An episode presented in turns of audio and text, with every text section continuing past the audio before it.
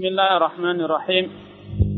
إن الحمد لله نحمده ونستعينه ونستغفره ونعوذ بالله من شرور أنفسنا وسيئات أعمالنا. من يهده الله فلا مضل له ومن يضلل فلا هادي له. أشهد أن لا إله إلا الله وحده لا شريك له وأشهد أن محمدا abduhu wa rasuluh. Amma ba' Saudaraku seiman, akidah di mana pun anda berada Alhamdulillah puji dan syukur kita panjatkan pada Rabbuna Allah subhanahu wa ta'ala atas segala nikmat dan karunia yang dilimpahkan kepada kita semua. Salawat serta salam tidak lupa untuk kita haturkan kepada Rasulullah panutan kita. Syafi'una pemberi syafaat kita kelak di hari kiamat. Wani wa ahibbai pendengar Radio Roja Semoga Allah Subhanahu wa taala merahmati Anda. Melanjutkan pembahasan kitab uh, Safinatun Najah karya Syekh Salim Al-Hadr Syafi'i. Pada pertemuan telah lalu kita telah mengenal sekelumit tentang perkembangan mazhab Syafi'i dan metode penulisan karya-karya ilmiah dalam mazhab Syafi'i. Telah dijelaskan bahwa penulisan karya ilmiah dalam mazhab Syafi'i cukup unik dikarenakan karya-karya ilmiah mereka saling berkesinambungan saling berurutan dan saling berhubungan. Karenanya ikhwani wahibbai bagaimana telah dijelaskan termasuk kelebihan mazhab Syafi'i ialah mudahnya bagi Anda untuk mencari sumber permasalahan, mencari referensi bagi setiap permasalahan yang Anda dapatkan. Karena ajab kali Anda mendapatkan satu referensi maka itu sebagai pertanda bahwa pada tempat sama yang sama, bab yang sama, di kitab-kitab lain permasalahan itu akan dibahas. Karena ini merupakan keistimewaan yang tidak kita dapat dalam mazhab-mazhab yang lain. Pada sore ini kita akan mengenal siapakah penulis kitab Safinatun Najah bima yajibu 'alal 'abdi li maulah. Safinatun Najah bima yajibu 'alal 'abdi li maulah. Itulah nama atau judul kitab Safinatun Safinatun Najah yang lengkap. Saya ulang judul asli kitab Safinatun Najah ialah Safinatun Najah bima yajibu 'alal 'abdi li maulah. Inilah nama kitab ini yang dituliskan oleh muallifnya penulisnya yaitu Syekh Salim Al-Hadrami Syafi rahimahullah taala. Penulis kitab ini ikhwani wa hibbai beliau adalah Al-Faqih Al-Syekh Al-Alim Salim Ibnu Abdullah Ibnu Sa'ad Ibnu Abdullah Ibnu Samir Al-Hadrami Syafi'i rahimahullah taala. Beliau salah seorang tokoh ulama Syafi'i, madhab Syafi'i yang hidup pada abad ke-13 Hijriah. Dia dilahirkan di negeri di Asbah. Negeri di Asbah salah satu wilayah di daerah Hadramut, Yaman. Akhwani wa ahibbai. Subhanallah. Maha suci Allah Subhanahu wa taala. Doa seorang ayah doa orang tua untuk anaknya.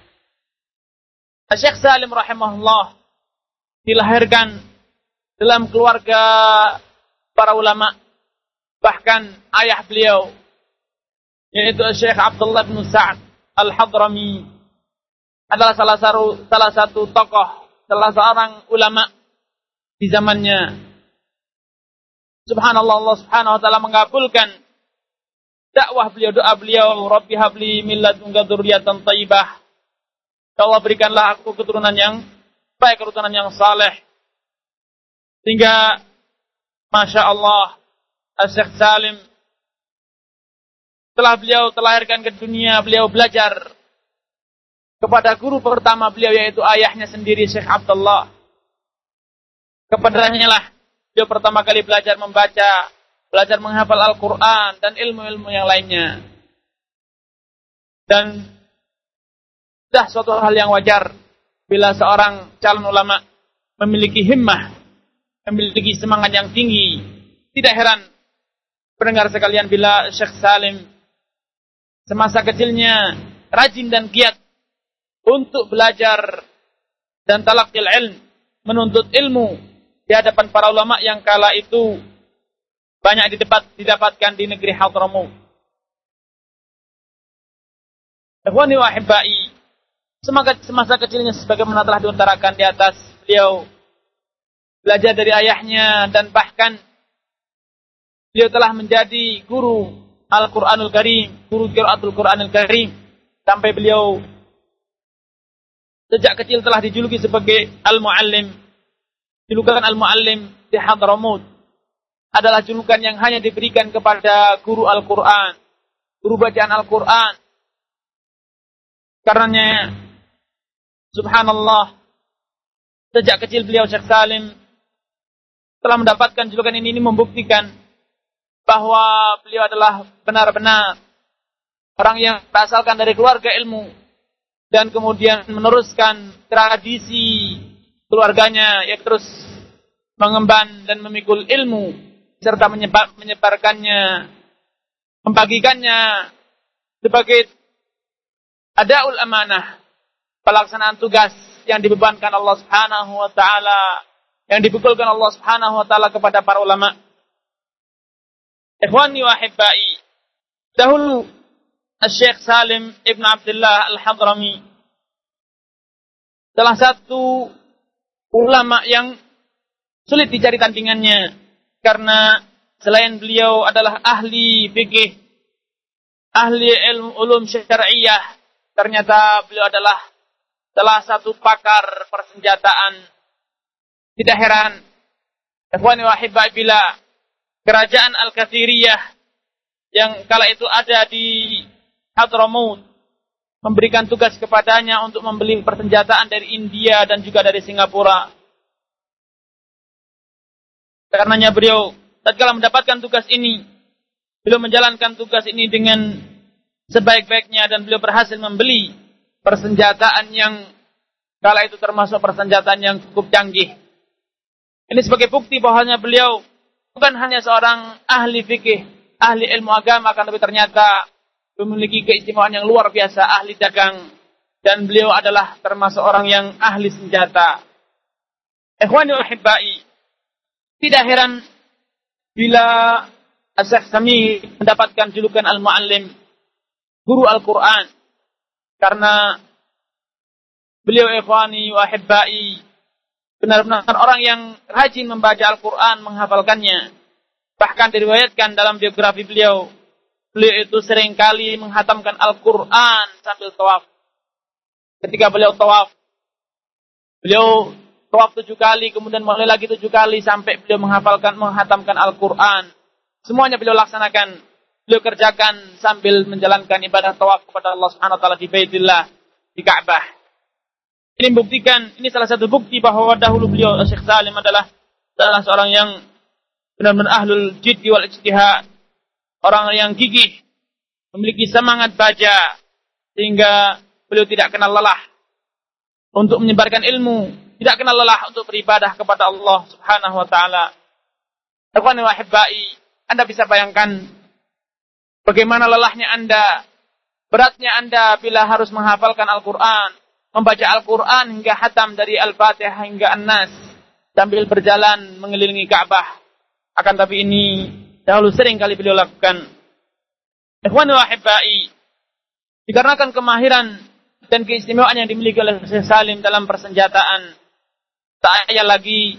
Beliau menjadi salah seorang tangan kanan ke penguasa kerajaan Al-Kathiriyah kala itu.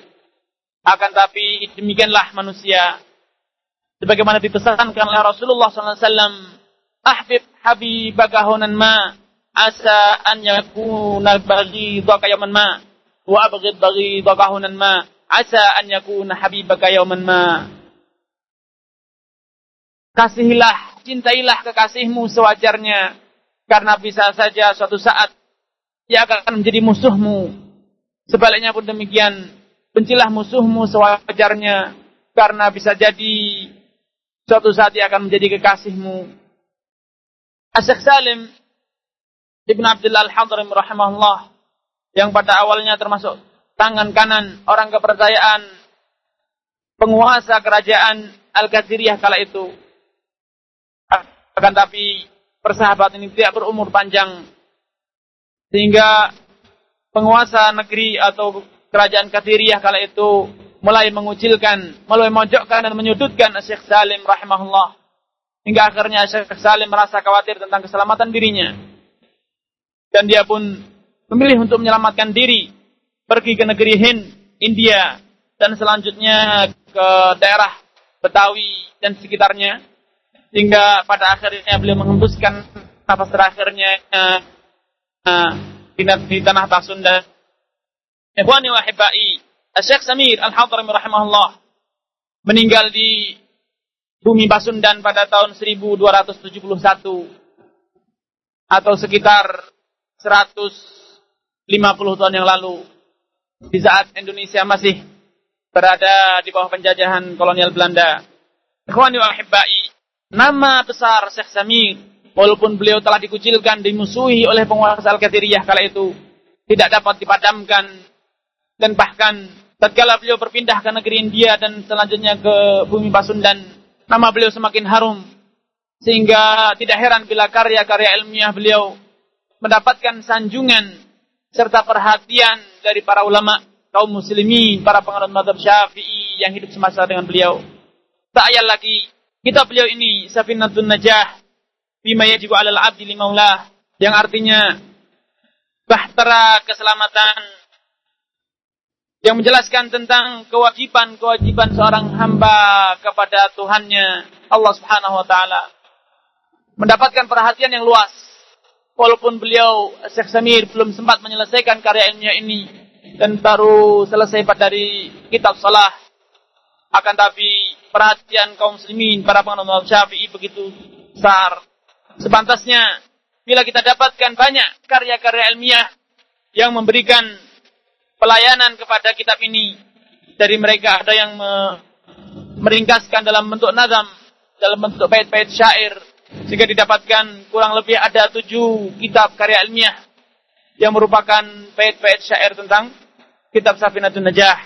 Di antaranya Tanwirul Haja Hija Nazmu Safinatin Najah karya Syekh Ahmad Ibn Siddiq Alfa Sarwaqani begitu juga Nazam Safinatun Najah karya Syekh Muhammad bin Ali Bahanan Al-Kindi yang beliau beri judul dengan Al-Lu'lu'ah As-Saminah Nazmus Safinah begitu juga karya As-Subha As-Saminah Nazmus Safinah karya Syekh Ahmad Masyhur Ibn Taha Al-Haddad sebagaimana kitab Safinatun Najah Ikhwan wa Hibbai telah disyarah dijabarkan oleh para ulama kala itu.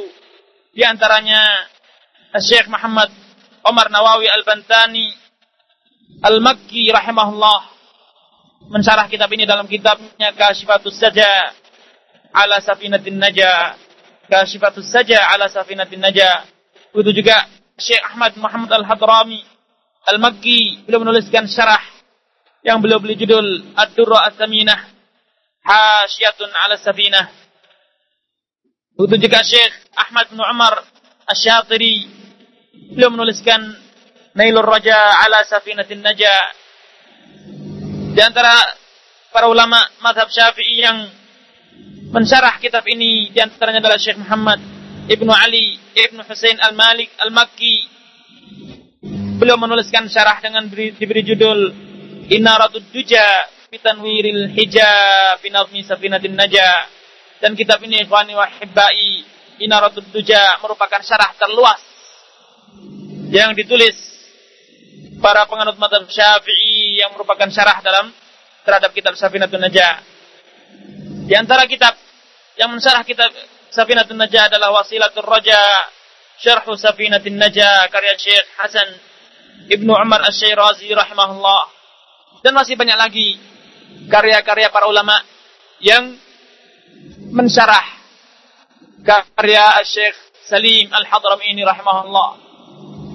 Ini ikhwan wa ahibbai merupakan bukti tersendiri bahwa kitab beliau ini Safinatun Najah merupakan kitab yang dipuji dan disanjung serta mendapatkan apresiasi dari para ulama mazhab Syafi'i yang semasa dengan beliau dan sesudahnya. Tidak heran walaupun kitab ini belum selesai beliau tulis akan tapi demikian perhatian dan antusias serta apresiasi umat Islam kala itu. Anda bisa membayangkan betapa besar perhatian umat Islam atau para penganut mazhab Syafi'i rahimahumullah. Andai kitab ini beliau atau berhasil menyelesaikan penulisan kitab ini akan tapi demikianlah kudratullah kehendak Allah Subhanahu wa taala. Anda menghendaki satu hal dan kudratullah di atas kehendak Anda. Wa ma tasyauna illa an yasha Allah. Adalah ada yang kalian kehendaki kecuali sesuatu yang telah Allah kehendaki ibadah Allah. Dan bila Allah telah menentukan ajal atas seorang hamba, maka mereka tidak mungkin, tidak akan kuasa untuk menundanya walau sekejap. Andai Allah subhanahu wa ta'ala menunda ajal seseorang, niscaya orang-orang semacam beliau inilah yang akan beliau yang Allah tunda. Akan tapi demikianlah, bila ajal telah menjemput, tidak mungkin akan tidak mungkin ada yang mampu menundanya walau hanya sekejap.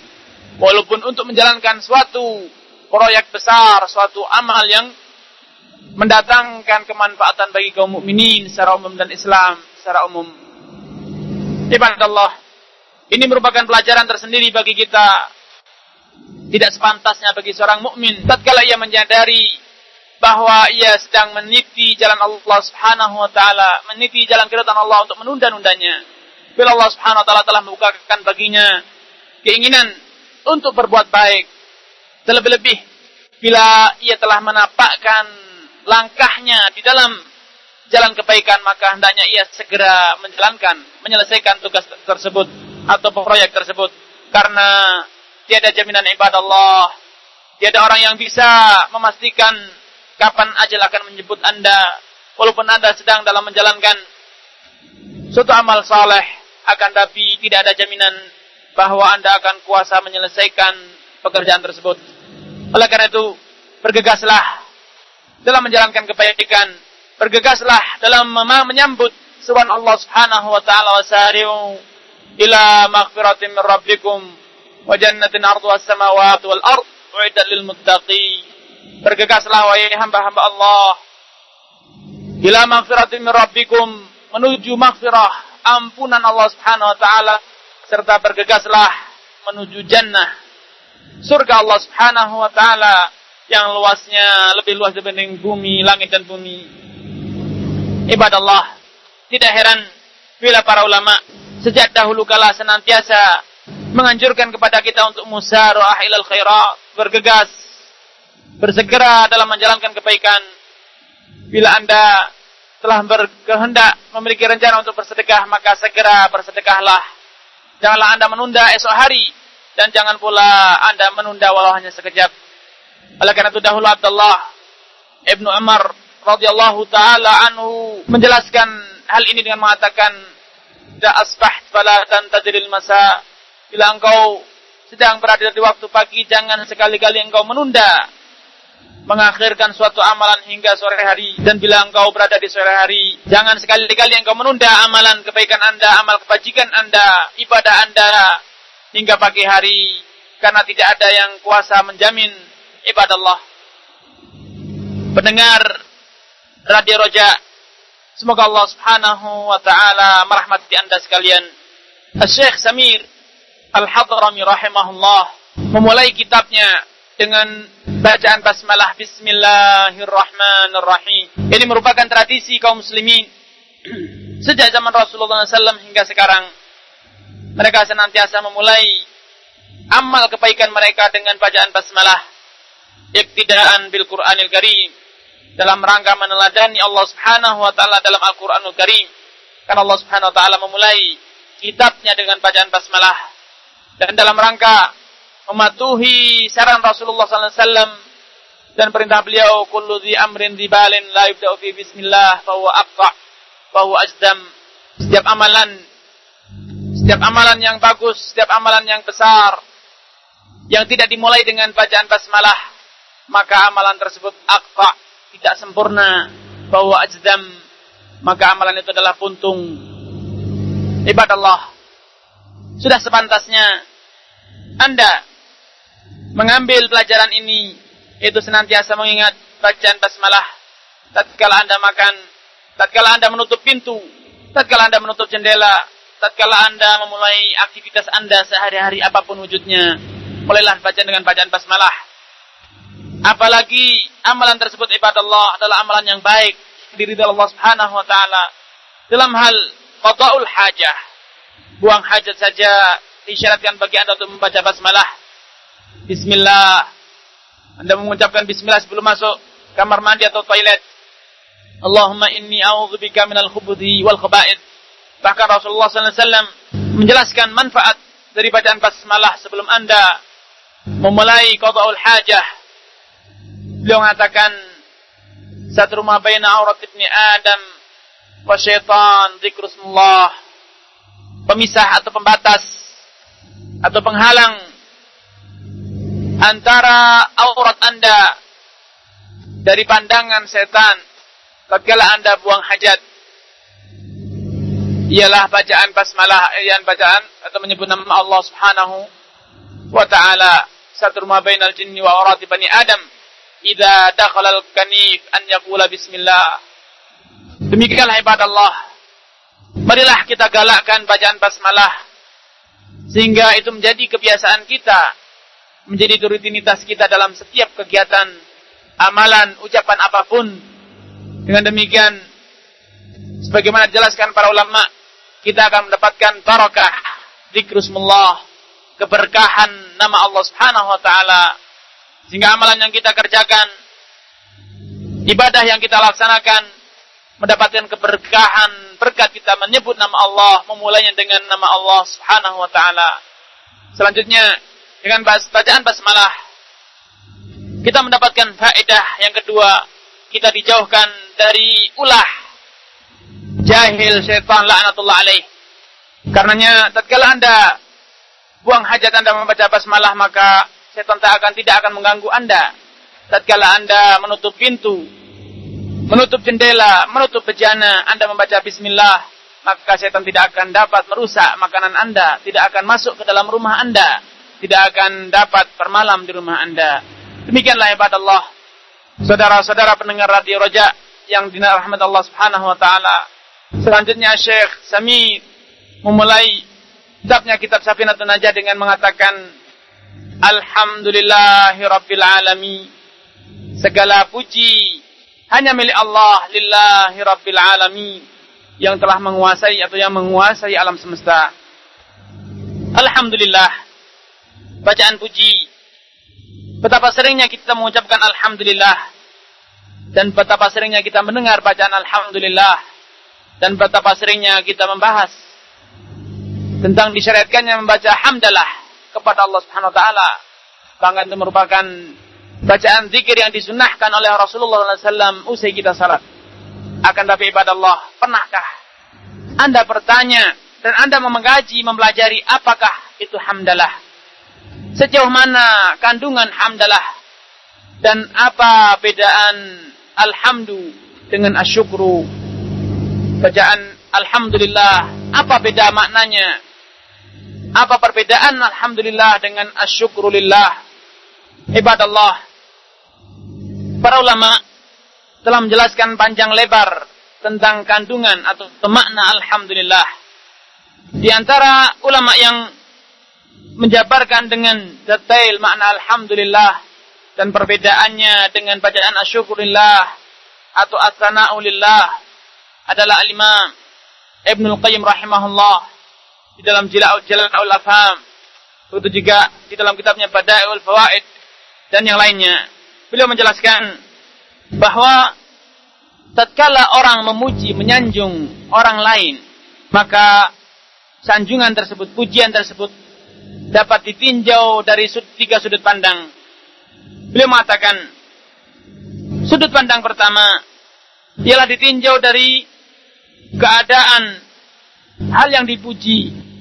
Bila ditinjau dari yang dipuji, maka sanjungan dan pujian itu terbagi menjadi dua. Ada yang disebut dengan alhamdu dan ada yang disebut dengan al-majdu. Alhamdu dikatakan pujian itu adalah alhamdu tatkala Anda memuji Allah Subhanahu wa taala dengan menyebutkan sifat-sifat Allah Subhanahu wa taala yang maha sempurna, Allah maha agung, Allah maha kuasa, Allah maha mengetahui, Allah maha penyayang, Allah maha luas rezekinya. Demikian juga Anda menyebutkan tentang ausaful jamal, Allah maha indah, Allah maha penyayang dan seterusnya. Tatkala Anda menyebutkan atau memuji Allah Subhanahu wa taala dengan menyebutkan sifat-sifat Allah yang maha agung, maha luas, maka pujian Anda disebut dengan alhamdu. Tatkala Anda akan tapi tatkala Anda menyebutkan Allah, memuji Allah dengan menyebut sifat-sifat Allah yang maha indah, Allah itu Allah itu bagus. Allah itu mencintai kebagusan. Allah itu berbuat baik, muhsin. Maka pujian Anda ini disebut dengan al-majdu, pengagungan. Demikianlah dahulu orang-orang Arab membedakan antara alhamdu dan al-majdu. Alhamdu memuji sifat-sifat Allah Subhanahu wa taala yang ada kaitannya dengan makhluk. Allah Maha luas rezekinya, Allah Maha mengetahui, Allah Maha penyayang. Maka ini adalah al-majdu. Tatkala Anda menyebutnya dengan sifat-sifat Allah yang maha indah. Lain yang lainnya yang berupa al-azamah, Allah maha besar, Allah maha perkasa, Allah maha syadidul iqab. Maka ini disebut dengan alhamdu. Tinjauan yang kedua ibadah Allah, pendengar radio roja. Semoga Allah subhanahu wa ta'ala merahmati anda. Tatkala pujian ditinjau dari metode pelaksanaannya yaitu tatkala pujian itu diulang-ulang, diucapkan secara berulang-ulang, sekali, dua kali dan seterusnya. Maka ini disebut dengan as-sana, Makanya Allah Rasulullah SAW dalam sebuah hadis yang mengatakan la uhsi tanaan alaik anta kama asnaita ala nafsik. Aku tidak akan kuasa membaca tanah pujian kepadamu. Sebagaimana yang engkau kehendaki. Hanya engkau lah ya Allah yang maha kuasa untuk memujimu sebanyak yang engkau kehendaki atau sebanyak yang layak untuk engkau terima. La uhsi tanaan alaik. Anta kama asnaita ala nafsik. Akan tapi bila pujian itu dilakukan hanya sekali dan tidak diulang-ulang, maka ini disebut dengan alhamdu. Ini bila ditinjau dari metode pelaksanaannya ibadah Allah. Dengar radio rojak yang budiman. Bila ditinjau dari orang yang memuji, bila ditinjau dari keadaan Anda tatkala membaca bacaan pujian, maka ada dua kemungkinan. Bila Anda memuji tanpa ada rasa cinta, tanpa ada rasa ta'zim, pengagungan, tanpa ada rasa roja, mengharapkan, tanpa ada rasa mahabbah, kecintaan, maka pujian tersebut disebut dengan al-madhu. Disebut dengan al-madhu. Tatkala Anda memuji musuh Anda, tentu pujian tersebut tidak disertai dengan rasa cinta, bahkan disertai dengan kebencian. Anda mengatakan, musuhku kuat, musuhku hebat, maka tatkala Anda memuji seperti ini, ini disebut dengan al-madhu dan bukan alhamdu. Akan tapi bila Anda memuji dengan disertai rasa cinta, rasa mahabbah, rasa ta'zim, pengagungan, rasa roja, rasa harap dan khauf sekaligus rasa takut, maka pujian ini disebut dengan alhamdu. Oleh karena itu Allah, pendengar radio rojak yang budiman. Marilah kita koreksi diri. Tatkala kita mengucapkan Alhamdulillah. Sudahkah makna dan kandungan Alhamdulillah terwujud dalam diri kita? Sudahkah kita mengucapkan bacaan Alhamdulillah ini dengan rasa cinta kepada Allah, rasa ta'zim, rasa mengagungkan, rasa khauf, serta roja? Ataukah bacaan Alhamdulillah yang kita ucapkan hanya bacaan lisan semata? Ucapan yang hanya keluar dari lisan tanpa disertai dengan penghayatan hati. Terlebih-lebih disertai dengan rasa cinta, rasa khauf, rasa roja atau rasa ta'zim. Tidak heran ibadah Allah, pendengar radio, roja yang budiman. Bila tatkala kita mengucapkan Alhamdulillah, kita seakan tidak merasakan kandungan, tidak mendapatkan tambahan iman, tidak merasakan tambahan takwa dalam hati kita. Ini semua terjadi ikhwani fiddin azakumullah dikarenakan bacaan alhamdulillah yang kita ucapkan kosong melompong dari ruhnya, jauh dari penghayatan sehingga Anda mengucapkan alhamdulillah akan tetapi setelahnya Anda mengumpat setelahnya Anda berbuat maksiat, setelahnya Anda berbuat hal yang, yang dimurkai Allah Subhanahu wa taala. Ini pada Allah terjadi dikarenakan ucapan alhamdulillah Anda jauh dari penghayatannya. Akan tapi sebaliknya bila Anda benar-benar mengucapkan alhamdulillah dengan penghayatan dengan mengingat tentang keagungan Allah, mengingat mengingat kebaikan-kebaikan Allah, kerahmatan Allah Subhanahu wa taala, mengingat indahnya Allah, takut akan siksa Allah Subhanahu wa taala, betapa pedihnya siksa Allah dan Anda mengharapkan keridhaan Allah, mengharapkan jannahnya. Ini saya bacaan alhamdulillah yang Anda ucapkan benar-benar akan menambah iman, benar-benar akan menggetarkan hati Anda sehingga tidak heran atau bahkan tidak mustahil Ya dengan bacaan Alhamdulillah. Butir-butir air mata Anda mengalir di pipi Anda. Ini semua terjadi ibadah Allah. Pendengar radio Raja yang budiman. Dikarenakan goncangan iman. Getaran iman yang menggetarkan hati Anda. Tatkala Anda mengucapkan Alhamdulillah. Anda mengingat jannah. Anda mengingat nar. Anda mengingat azumatullah anda takut akan siksa Allah Subhanahu wa taala. Ikhwani wa ahibbai. Alhamdulillah. Bacaan hamdalah. Kita lihat bagaimana dalam surat Al-Fatihah Allah Subhanahu wa taala mengucapkan alhamdulillahi alamin. Segala puji hanya milik Allah. Selanjutnya Allah memberikan alasan kenapa kita memuji Allah. Kita kenapa kita memuji dengan rasa takut Kenapa kita mesti bercinta kepada Allah? Kenapa kita harus mengharapkan kerahmatan Allah? Dikarenakan Allah memberikan alasan Rabbil Alamin. Karena Allah lah yang menguasai semesta alam. Alam semesta inilah milik Allah. Alam semesta ini di bawah kekuasaan Allah. Alam semesta ini semuanya bergantung kepada kerahmatan Allah Subhanahu wa taala dan kemurahannya. Alam semesta ini semuanya tunduk dengan perintah Allah Subhanahu wa taala. Tidak heran bila Allah Subhanahu wa taala sering kali tatkala menyebutkan alhamdu Allah Subhanahu wa taala menyertainya dengan menyebutkan berbagai kekuasaan Allah, keagungan Allah, keindahan Allah dan betapa luas kerahmatan Allah Subhanahu wa taala. Selanjutnya Syekh Samir mengatakan, "Wabihi nasta'inu ala umuri dunya wa din." Dan dengan Allah, hanya dengannya lah kami mohon pertolongan dalam menjalankan seluruh urusan dunia dan hanya dengan memohon pertolongan kepada Allah kita menjalankan segala amal ibadah kita urusan agama kita. Ikhwani pendengar radio Roja yang budiman, marilah kita mengingat bagaimana ikrar penduduk surga tatkala mereka pertama kali menikmati betapa nikmatnya, betapa indahnya surga. Mereka tatkala menyaksikan itu, merasakan itu semuanya, ucapan pertama yang mereka ucapkan, Alhamdulillahilladzi hadana li hadza wa ma kunna linahtadiya laula an hadana Allah. Segala puji bagi Allah Subhanahu wa taala yang telah membimbing kita untuk bisa tiba di surga ini. Wa ma kunna linahtadi dan sungguh mustahil tidak akan pernah terjadi kalaulah bukan karena petunjuk Allah, bukan karena bimbingan Allah Subhanahu wa taala.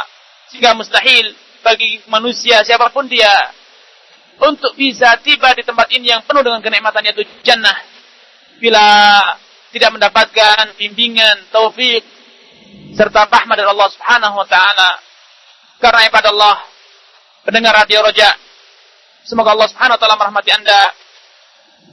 Termasuk tradisi Rasulullah SAW, sunnah Rasulullah SAW, acap kali beliau mendapatkan nikmat, beliau mengucapkan Alhamdulillah, alladzi bi ni'matihi tatimmu salihat.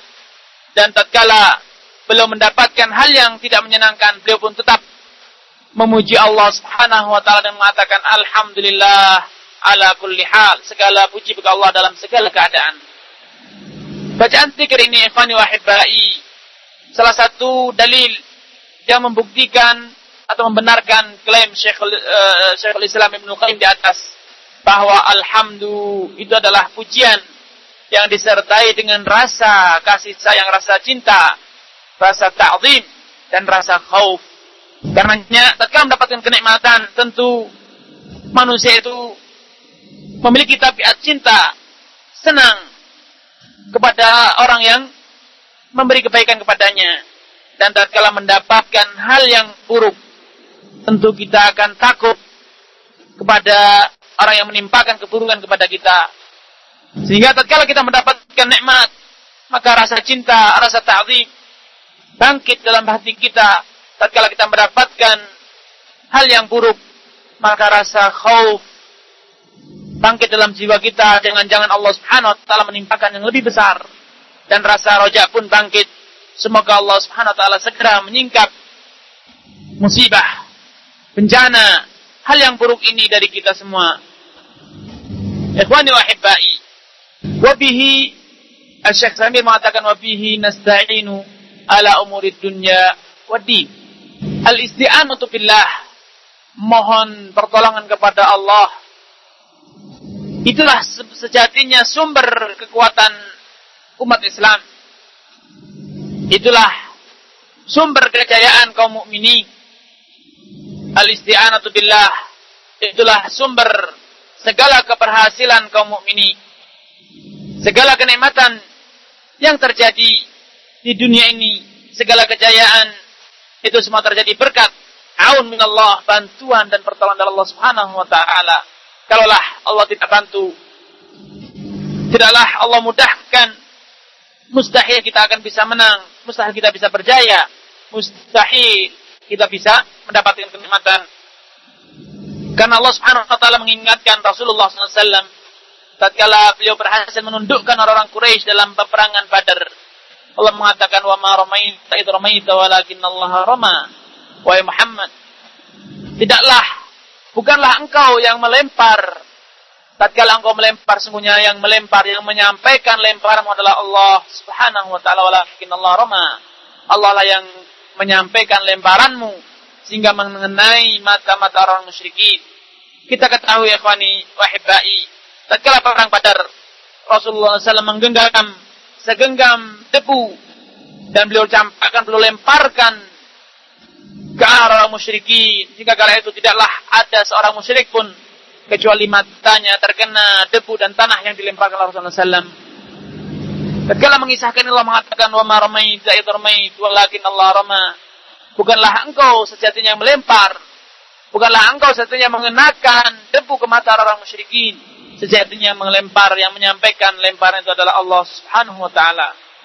Kalaulah Allah Subhanahu wa taala tidak sampaikan lemparan ini, maka mana mungkin lemparan SAW akan mengenai orang musyrikin, terlebih-lebih mengenai seluruh mereka. Karena ibadah Allah, pendengar radio Roja yang budiman, tradisi orang-orang musyrikin, warisan atau budaya yang diwariskan oleh orang-orang musyrikin kepada umat manusia, yaitu angkuh, jongkak, besar kepala merasa bahwa keberhasilan, kejayaan yang berhasil didapat adalah karena kecerdasan dan kehebatan yang mereka miliki.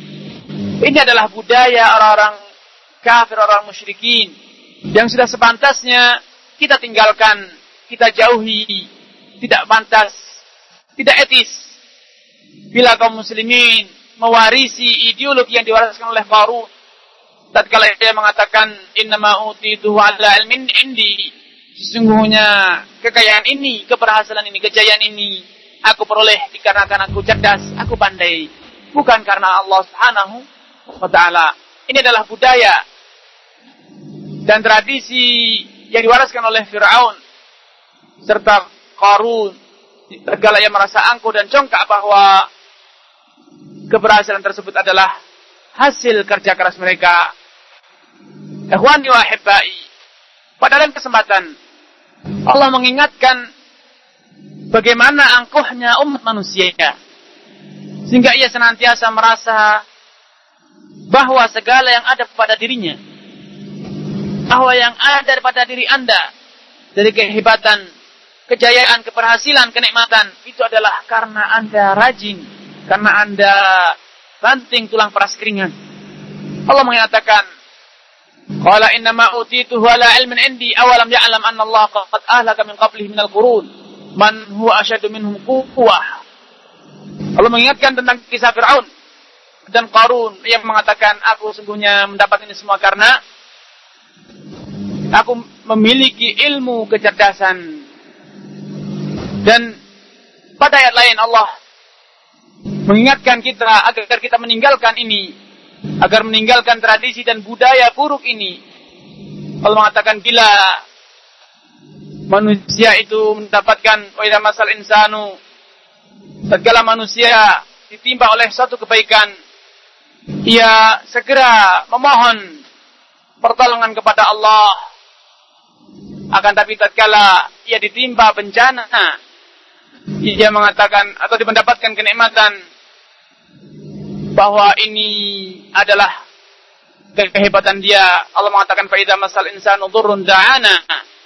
Bila manusia ditimpa oleh turun suatu keadaan susah, repot, bencana musibah, ia segera menengadahkan tangannya kepada Allah Subhanahu wa taala memohon pertolongan akan tetapi Thumma idza khawalnahu ni'matan minna.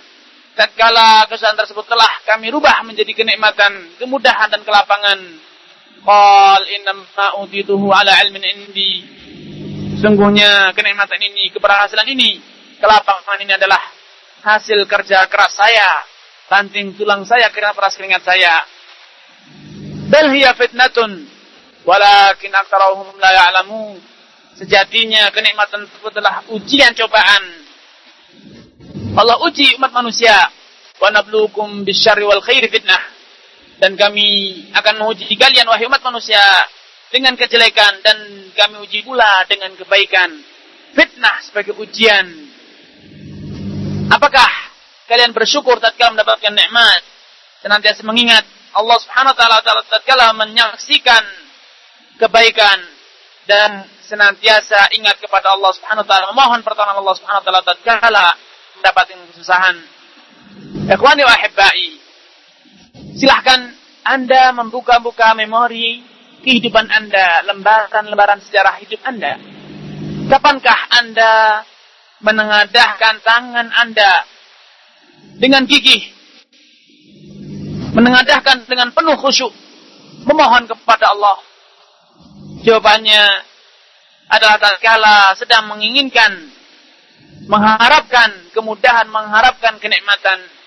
Akan tapi tatkala Anda telah mendapatkan kenikmatan tersebut, mendapatkan keberhasilan yang Anda impikan, maka semangat untuk menengadahkan tangan kepada Allah hari demi hari semakin pudar sehingga sering kali kita lebih disibukkan, sering kali kita lebih lebih banyak untuk menghitung-hitung kenikmatan dibanding mensyukuri kenikmatan kepada Allah Subhanahu wa taala. Ikhwani wa. Karenanya pada kesempatan sore ini marilah kita banyak mengoreksi diri kita agar budaya orang-orang musyrikin, budaya Qarun, budaya Firaun yang merasa bahwa keberhasilan adalah hasil karyanya, hasil karya anak bangsa, hasil karya orang-orang yang cerdas, kita kikis dan kembali kita mengatakan ini adalah kenikmatan dari Allah. Alhamdulillahilladzi hadana atau kita mengatakan Alhamdulillah alladzi bi ni'matihi tatimmu salihat.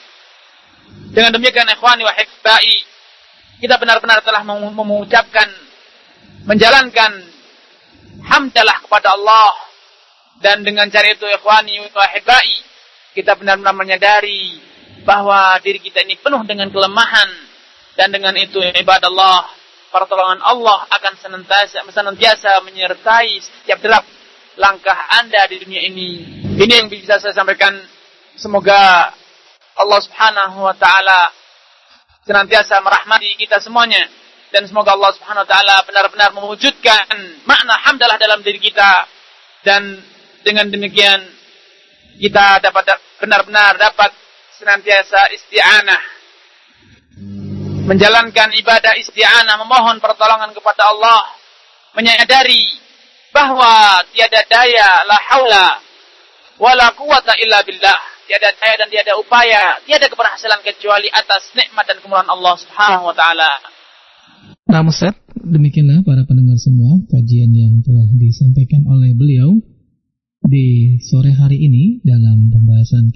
Safinatun Najah fi Usuluddin dan selanjutnya kami akan ajak Anda untuk bersoal jawab dengan beliau untuk lebih melengkapi dari materi yang beliau sampaikan di sore hari ini.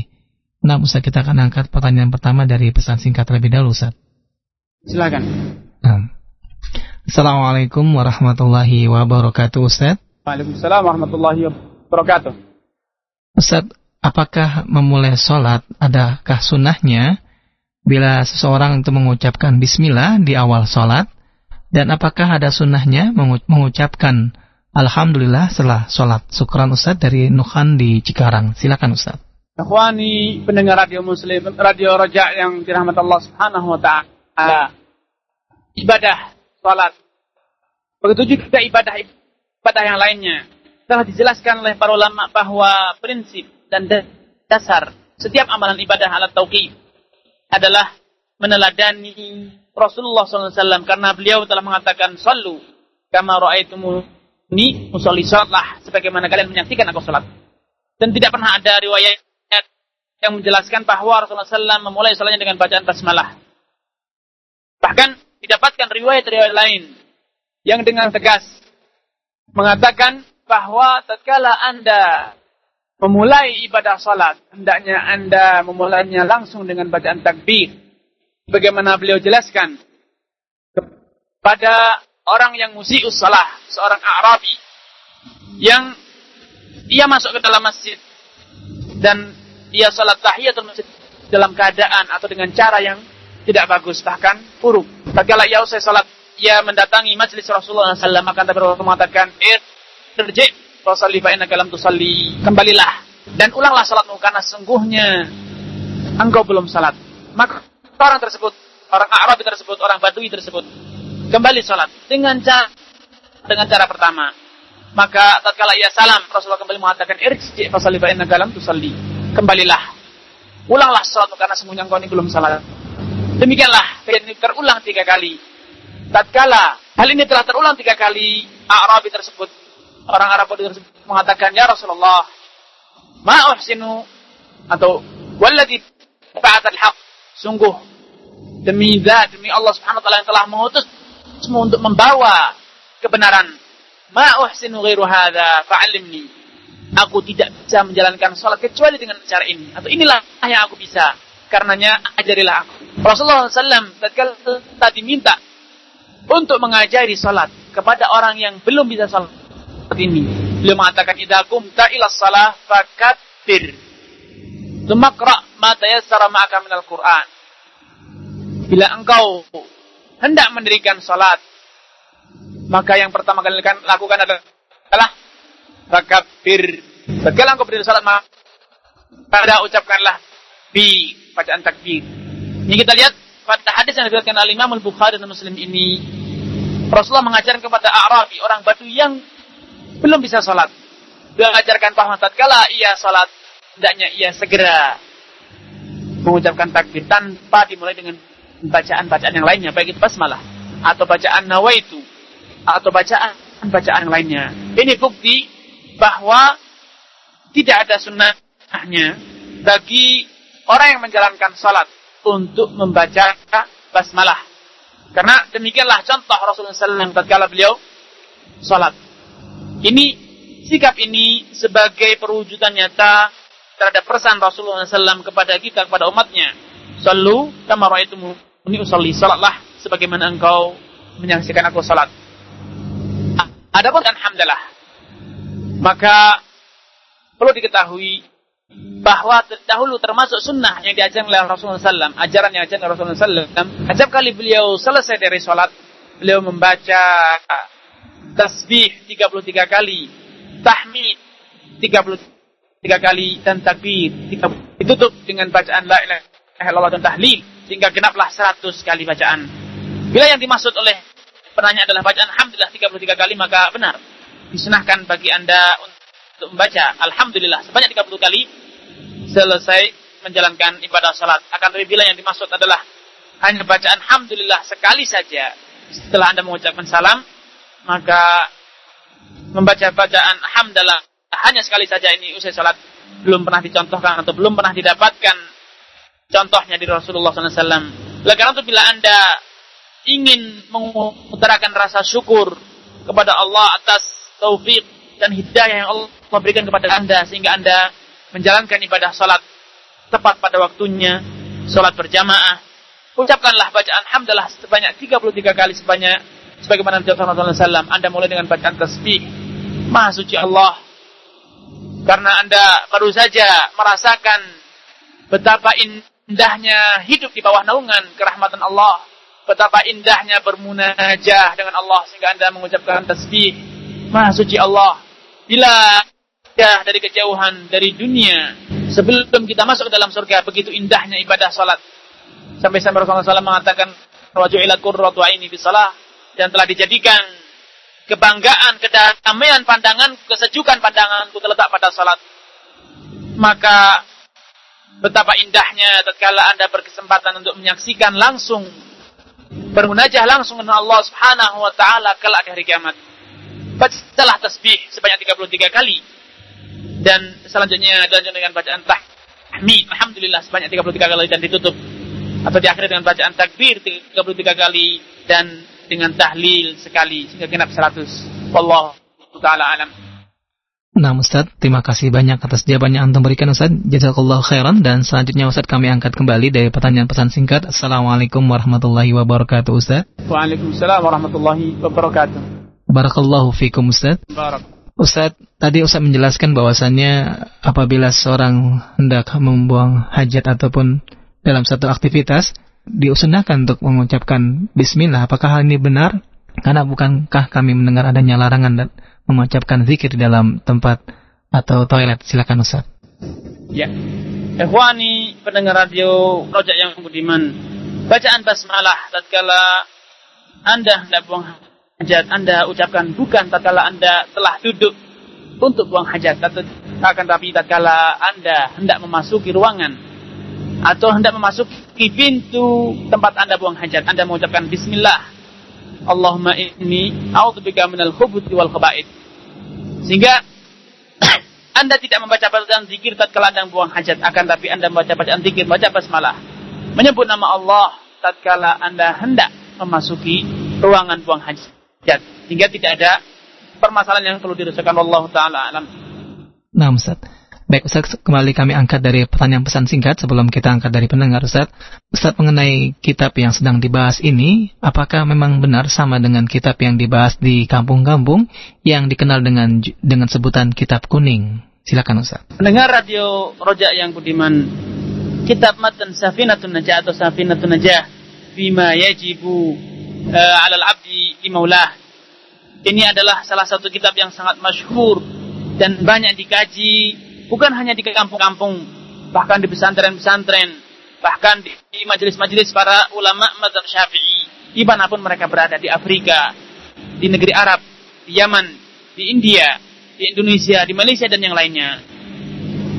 Sehingga bila yang Anda maksud adalah kitab Safinatun Najah atau kitab Safinah yang banyak dikaji di masyarakat kita, maka saya katakan benar adanya. Itulah kitab yang menjadi tema kita sore ini. Kita ingin mengenal madhab syafi'i melalui kitab yang familiar di masyarakat kita. Kita akan membuktikan, benarkah Anda adalah bermadhab syafi'i? Benarkah Anda telah menjalankan madhab syafi'i sebagaimana yang telah dijelaskan dalam kitab Safinatun Najani dan juga lainnya. Sebagaimana dengan mengkaji kitab ini, kita ingin mengetahui sebagaimana apakah atau sebagaimana apakah mazhab Syafi'i yang sejatinya diajar oleh para ulama penganut mazhab Syafi'i. Apakah seperti yang kita dapatkan di masyarakat kita? Atau ada perbedaan? Ini manfaat yang ingin kita dapatkan pertama. Kemudian kedua, dengan mengkaji kitab Safinatun Najah ini, ini hanya sekedar wasilah, sarana bagi kita untuk belajar ilmu fikih yang merupakan fikhul asghar dan nanti kita akan lihat bagaimana dahulu metode para ulama adalah memandang ilmu fikih. Apakah seperti yang ada di zaman sekarang di mana ilmu fikih itu ilmu yang gersang. Ilmu fikih itu hanya kenal halal haram, selebihnya tidak ilmu fikih itu tidak mengenal akhirat. Ilmu fikih itu hanya mengenal sah dan batal, syarat serta rukun, halal haram. Ataukah ilmu fikih itu lebih luas dari itu semua? Ilmu fikih mencakup menggabungkan antara kehidupan dunia, amalan praktis di dunia, salat, zakat, puasa dan lain serta kehidupan akhirat yang terwujud dalam ikhlasun niyah dalam ta'zim kepada Allah Subhanahu wa taala dalam i'tiqad keyakinan hati bahwa amalan ini akan menghantarkan Anda ke jannah dan amalan yang haram ini akan menjerumuskan Anda ke dalam neraka serta amalan ini adalah bukti kecintaan Anda kepada Rasulullah SAW. Kita akan lihat nanti pada Allah. Saya harap Anda tidak buru-buru. Selanjutnya, permasalahan kitab kuning atau mengenal kitab yang disebut atau dijuluki dengan kitab kuning. Kitab ikhwani wa atau kitab-kitab yang dijuluki dengan kitab kuning. Itu hanya ditinjau dari kertas yang digunakan untuk menerbitkan kitab-kitab tersebut. Karena kebanyakan saudara-saudara kita kaum mukminin yang mengkaji kitab-kitab tersebut biasanya dari kalangan ekonomi menengah ke bawah. Sehingga dari para penerbit, mereka memikirkan, ini ada kaitannya dengan bisnis, mereka memikirkan agar kitab yang mereka terbitkan dapat laku dan dibeli oleh terjangkau oleh daya beli masyarakat. Karenanya mereka menggunakan kitab kuning yang notabene itu murah harganya. Walau demikian ikhwani wa Maha Agung Allah Subhanahu wa taala terbukti kitab kuning itu lebih safety, lebih aman dibanding kitab putih. Karena kitab kuning tidak menyilaukan mata Anda. Kitab kuning tidak menjadikan Anda cepat penat, pandangan Anda cepat lelah. Telah terbukti kitab kuning kitab yang mendukung Anda dalam merawat pandangan Anda, mata Anda. Tidak heran ikhwani wa saudara-saudara kita yang berpuluh-puluh tahun atau yang sering dijuluki oleh masyarakat sebagai kutub buku. Dalam hal ini kutub buku kitab kuning kita dapatkan pandangan mereka tetap tajam. Jarang dari mereka yang mengenakan kacamata alat bantu untuk pandang. Ini di antara hikmahnya maha besar Allah Subhanahu Wa Taala. Allah berikan kepada saudara-saudara kita yang memberikan perhatian besar terhadap karya-karya para ulama Allah berikan keberkahan. Walaupun dari sudut pandang banyak orang, kitab kuning ini adalah kitab yang kurang elit, kurang berharga karena harganya murah dan yang membawanya adalah biasanya orang-orang yang dari kalangan menengah ke bawah dari orang yang miskin. Akan tapi subhanallah itu mendatangkan keberkahan tersendiri bagi mereka yang dilalaikan oleh saudara-saudara kita dari kalangan menengah ke atas. Kesimpulannya, sebutan kitab kuning itu hanya ditinjau dari warna kertasnya, akan tapi tidak ada definisi khusus tentang kitab kuning. Itu hanya sebutan yang terlanjur menjadi budaya atau yang sering disebut dengan salah kaprah. Karena kitab yang sama di negeri lain dicetak dalam atau menggunakan kertas putih dan tidak menggunakan kertas kuning. Wallahu taala alam. Nah Ustaz, terima kasih banyak atas jawabannya yang berikan Ustaz. Jazakallahu khairan. Dan selanjutnya kembali dari pesan singkat Ustaz. Sebelum kita angkat dari pendengar kita. Assalamualaikum warahmatullahi wabarakatuh Ustaz. Waalaikumsalam warahmatullahi wabarakatuh. Ustaz, ada yang bilang kalau makan hanya baca bismillah, bukan bismillahirrahmanirrahim. Manakah yang benar Ustaz? Silakan Ustaz. Ikhwani wa ahibbai. Bacaan basmalah tatkala Anda hendak makan dijelaskan oleh para ulama bahwa Allah Subhanahu wa taala dan Rasulnya eh, tidak ingin memberatkan Anda dan merepotkan Anda. Karenanya menurut kebanyakan para ulama bahwa bacaan basmalah yang disunahkan atau disyariatkan untuk dimulai dengannya segala aktivitas Anda termasuk makan dan minum cukup dengan bacaan bismillah. Dan pendapat ini didukung oleh berbagai riwayat-riwayat bacaan-bacaan zikir Rasulullah SAW dalam berbagai kesempatan. Bacaan tatkala beliau meruqyah bismillah uh, Allahumma anta syafi dengan menyebut nama Allah. Ya Allah engkau lah para uh, penyembuh dan bacaan-bacaan yang lainnya. Bismillah tatkala ber, berhubungan badan dengan istri. Bismillah Allah majinna syaitan dengan menyebut nama Allah. Ya Allah jauhkanlah syaitan dari kami dan seterusnya. Ini merupakan kemurahan dari Allah dan Rasulnya sehingga bacaan tersebut untuk mendapatkan keberkahan bacaan basmalah kita cukup dengan Walau demikian, menurut sebagian ulama, bacaan basmalah yang disyariatkan untuk kita baca bukan hanya basmalah saja, akan tetapi bacaan basmalah yang lengkap Bismillahi, Bismillahirrahman, Ar-Rahim. Akan tapi ikhwani wahibbai pendapat yang pertama lebih kuat. Dikarenakan seperti tadi saya utarakan didukung atau sesuai dengan berbagai bacaan-bacaan zikir yang diajarkan oleh Rasulullah SAW dalam berbagai kesempatan. Walau demikian, tidak ada atau tidak didapatkan tegas yang dapat kita gunakan untuk menyudutkan saudara kita yang mengenakan atau menggunakan atau mengamalkan pendapat yang kedua yaitu yang membaca dengan Bismillahirrahmanirrahim. Insya Allah kedua-duanya boleh dilakukan walaupun pendapat yang pertama lebih dekat terhadap kebenaran. Wallahu taala alam. Nah, Ustaz, kita akan angkat selanjutnya dari pendengar kita, Ustaz, dengan Ibu Yuni di Jakarta. Halo. Halo, Assalamualaikum. Waalaikumsalam warahmatullahi wabarakatuh. Silakan Ibu. Pak Ustaz, uh, saya ingin menanyakan kalau kita menjadi makmum masbuk, terus ketika imam duduk tahiyat akhir, kita sebagai makmum harus duduk seperti duduk tahiyat awal atau tahiyat akhir. Begitu saja pertanyaannya Pak Ustaz. Terima kasih. Assalamualaikum. Waalaikumsalam warahmatullahi wabarakatuh. Silakan Ustaz. Ibu Yuni dan juga pendengar Radio Rojak yang senantiasa dirahmati Allah Subhanahu wa taala. Tatkala Anda masbuk sehingga Anda harus menyempurnakan menambah salat setelah imam mengucapkan salam. Maka tatkala Anda berada di rakaat terakhir salat imam, para ulama dalam hal ini merupakan ranah perbedaan para ulama mereka berpendapat atau berbeda pendapat bahwa yang sunnah menurut sebagian ulama adalah Anda duduk dengan tawarruk yaitu sebagaimana pada rakaat terakhir atau tahiyat terakhir yaitu duduk dengan meletakkan pantat di lantai.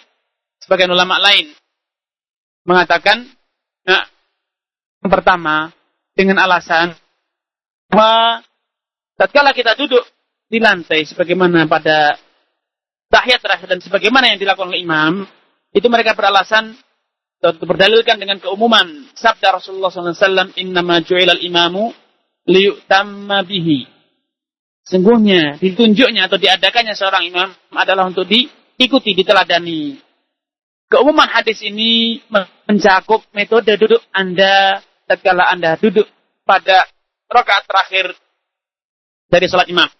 Sehingga tatkala imam duduk tawarruk, Anda pun duduk dengan tawarruk. Pendapat yang kedua, kan bahwa dalam hal ini, dalam duduk, dalam tasyahud, Anda mengikuti urutan sholat Anda. Tatkala Anda masuk berarti ini bukan rokaat terakhir Anda. Hingga Anda yang lebih tepat adalah duduk dengan iftirash, yaitu dengan duduk menduduki telapak kaki kiri Anda. Mereka beralasan, dengan cara ini, dengan cara duduk tawarruk, itu lebih memudahkan, meringankan Anda untuk bangkit. Untuk bangkit ke rokaat selanjutnya, yaitu rokaat yang sebagai penyempurna sholat Anda. Yang pertama. Kemudian kedua,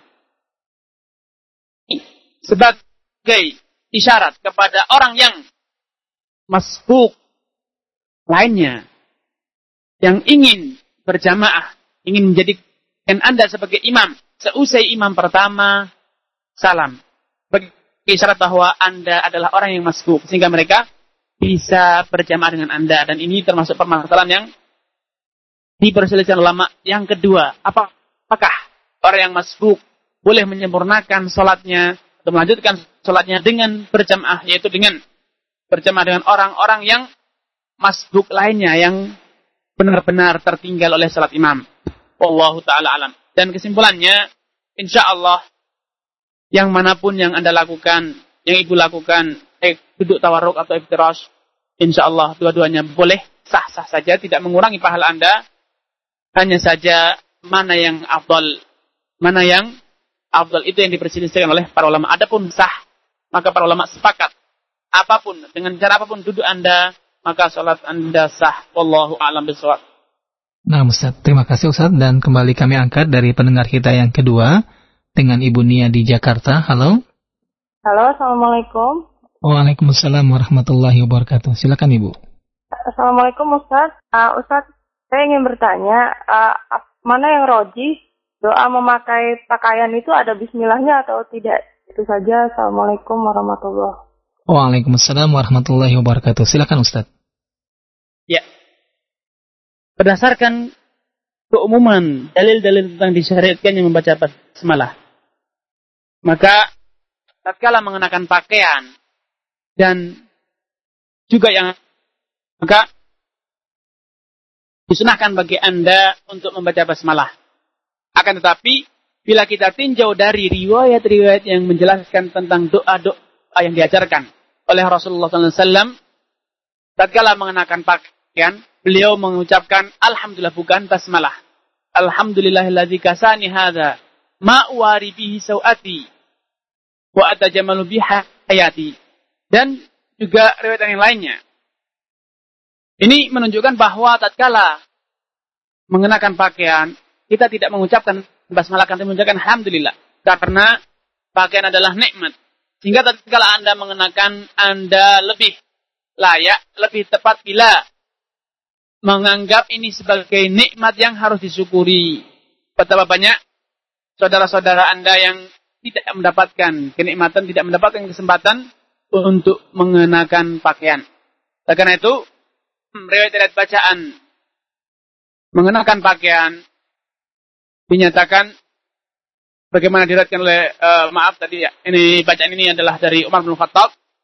Uh, Umar bin Khattab mengucapkan alhamdulillahilladzi kasani hadza ma'wari bihi aurati atau sawati wa atajammalu bihi fi hayati. Qal sami'tu Rasulullah sallallahu alaihi wasallam man labisa thawban. Umar bin Khattab melanjutkan bahwa Aku telah mendengar Rasulullah SAW mengatakan bahwa barang siapa yang membaca atau mengenakan pakaian yang baru, selanjutnya ia mengajarkan atau mengucapkan doa di atas, maka kemudian ia langsung mengenakan pakaiannya, maka Allah Subhanahu wa taala akan melindunginya, menjaganya dan menutupi aibnya, kekurangan-kekurangannya, baik kekurangan hissi, kekurangan yang ada pada diri dia, badan dia ataupun kekurangan aib yang maknawi, yaitu dosa-dosa dia, kesalahan-kesalahannya. wa mayyita baik ya dalam keadaan hidup atau sepeninggalnya. Ini menunjukkan bahwa tatkala Anda mengenakan pakaian, maka lebih ditekankan Anda untuk mengingat ini sebagai kenikmatan. Sehingga lebih tepat Anda untuk mengucapkan Alhamdulillah. Wallahu ta'ala a'lam. Nah, Ustaz. Baik Ustaz, kita akan angkat kembali yang berikutnya. Baik Ustaz, kita akan angkat dari dari pesan singkat terlebih dahulu Ustaz. Ya. Assalamualaikum warahmatullahi wabarakatuh Ustaz. Assalamualaikum warahmatullahi wabarakatuh. Ustaz, dari hamba Allah di Pasar Rebo, beliau bertanya, Ustaz saya adalah orang yang bodoh, dan dalam mencari rizki saya bekerja sebagai pengojek, lalu halalkah kerja saya ini? Silakan Ustaz. Ya, saudaraku seiman dan seakidah pendengar Radio Roja, yang dirahmati Allah Subhanahu taala berprofesi sebagai pengojek baik pengojek dengan kendaraan bermotor-motor roda dua ataupun dengan e, kendaraan itu sebagai super taksi itu adalah profesi yang halal asalkan Anda memperhatikan etika-etika sebagai seorang laki-laki. Misalnya, tatkala Anda sebagai pengojek, maka tatkala konsumen Anda, pelanggan Anda adalah wanita, tentu ini perlu diwaspadai. Sangat masyhur atau telah menjadi rahasia umum bahwa penumpang atau tukang ojek tatkala membawa penumpang perempuan banyak dari mereka yang berperlukan. Penumpangnya memeluk badan tukang ojeknya. Tentu ini perbuatan yang diharamkan.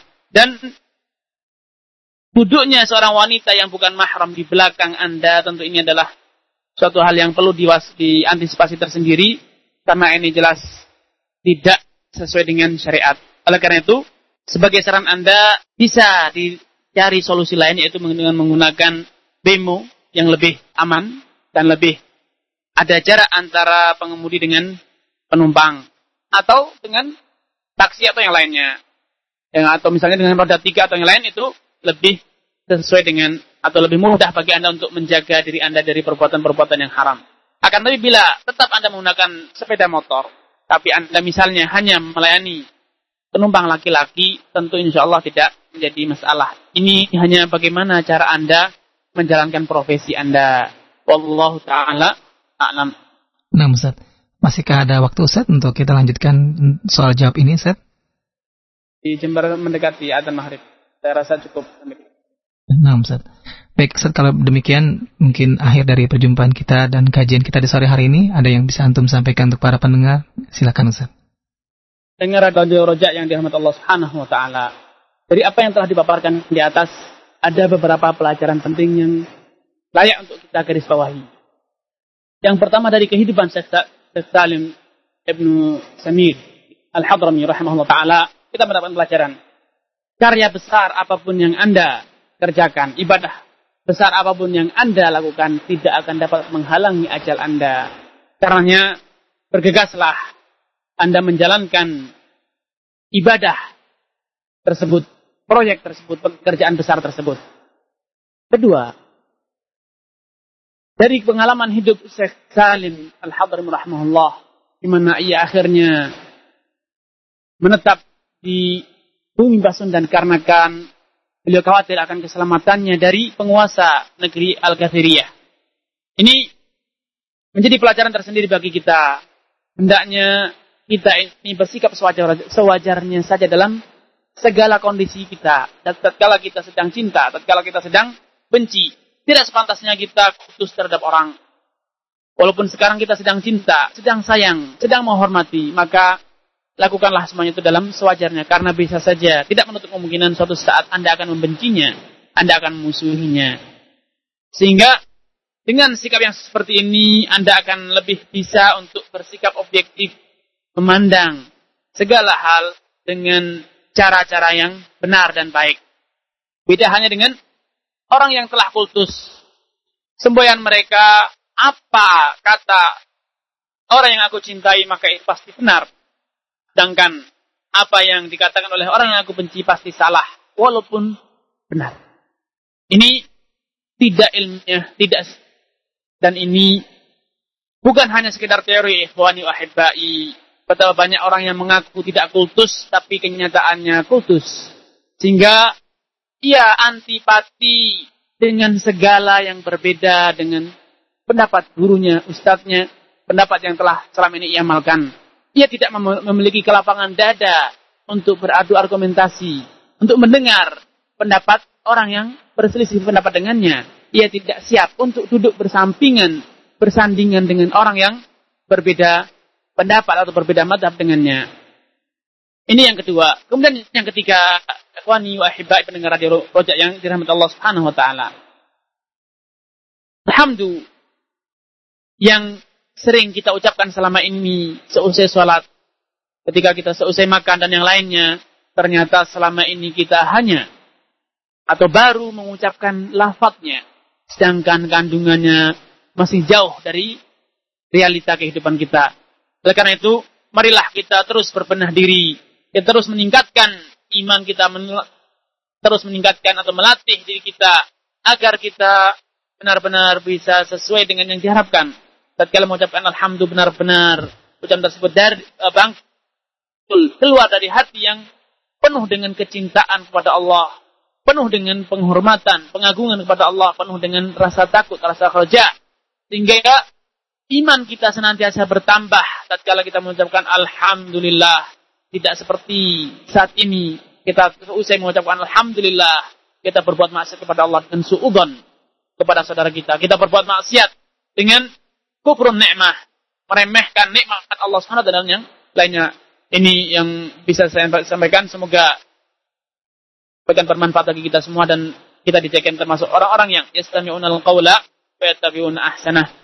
Wassalamualaikum warahmatullahi wabarakatuh.